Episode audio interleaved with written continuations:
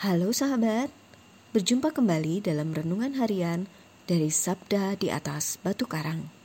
Hari ini, Jumat 18 November, merupakan pekan biasa ke-33. Gereja memperingati pemberkatan gereja-gereja Basilika, Rasul Santo Petrus dan Paulus. Santo Romans dari Antioquia, seorang martir, dan Santa Rosa Filipin Duchen seorang pengaku iman. Renungan kita hari ini terinspirasi dari bacaan kitab suci. Bacaan pertama dari kitab Wahyu bab 10 ayat 8 sampai dengan 11. Dilanjutkan dengan Injil suci dari Injil Lukas bab 19 ayat 45 sampai dengan 48. Mari kita siapkan hati kita untuk mendengarkan sabda Tuhan. Pada waktu itu, Yesus tiba di Yerusalem dan masuk ke Bait Allah. Maka mulailah ia mengusir semua pedagang di situ. Ia berkata, "Ada tertulis, rumahku adalah rumah doa, tetapi kalian telah menjadikannya sarang penyamun." Tiap-tiap hari, Yesus mengajar di bait Allah. Para imam kepala dan ahli-ahli Taurat, serta orang-orang terkemuka bangsa Israel berusaha membinasakan Yesus. Tetapi mereka tidak tahu bagaimana harus melakukannya. Sebab seluruh rakyat terpikat kepadanya dan ingin mendengarkan dia.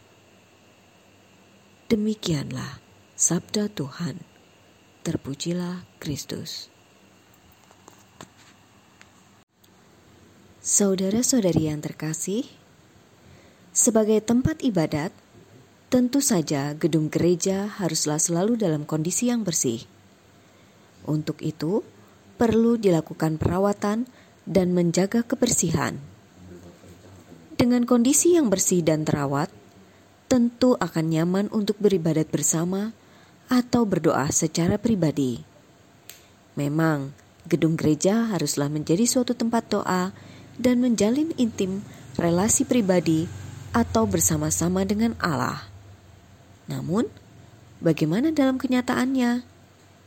Kita dapat temui bahwa di dalam gedung gereja pun umat tak segan-segannya menggunakannya untuk kaca kusuk membicarakan orang lain atau melakukan hal-hal yang tidak semestinya.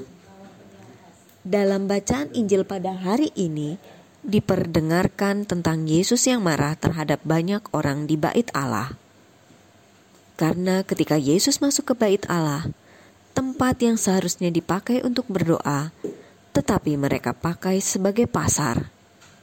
Bahkan Yesus menganggap menjadi sebagai tempat sarang penyamun.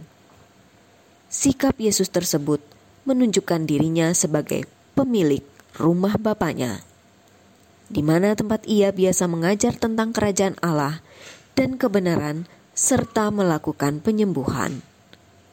Karena pelakuan mereka yang tidak semestinya terhadap bait Allah, maka Yesus pun mengusir semua pedagang itu.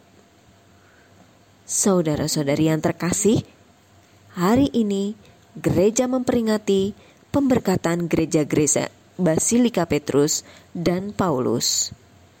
Melalui peringatan pemberkatan gereja Basilika tersebut, kita diajak tidak saja mengagumi gedungnya yang megah, melainkan untuk mengenang jasa kedua rasul tersebut dalam pewartaan mereka yang membuat banyak orang beriman kepada Kristus.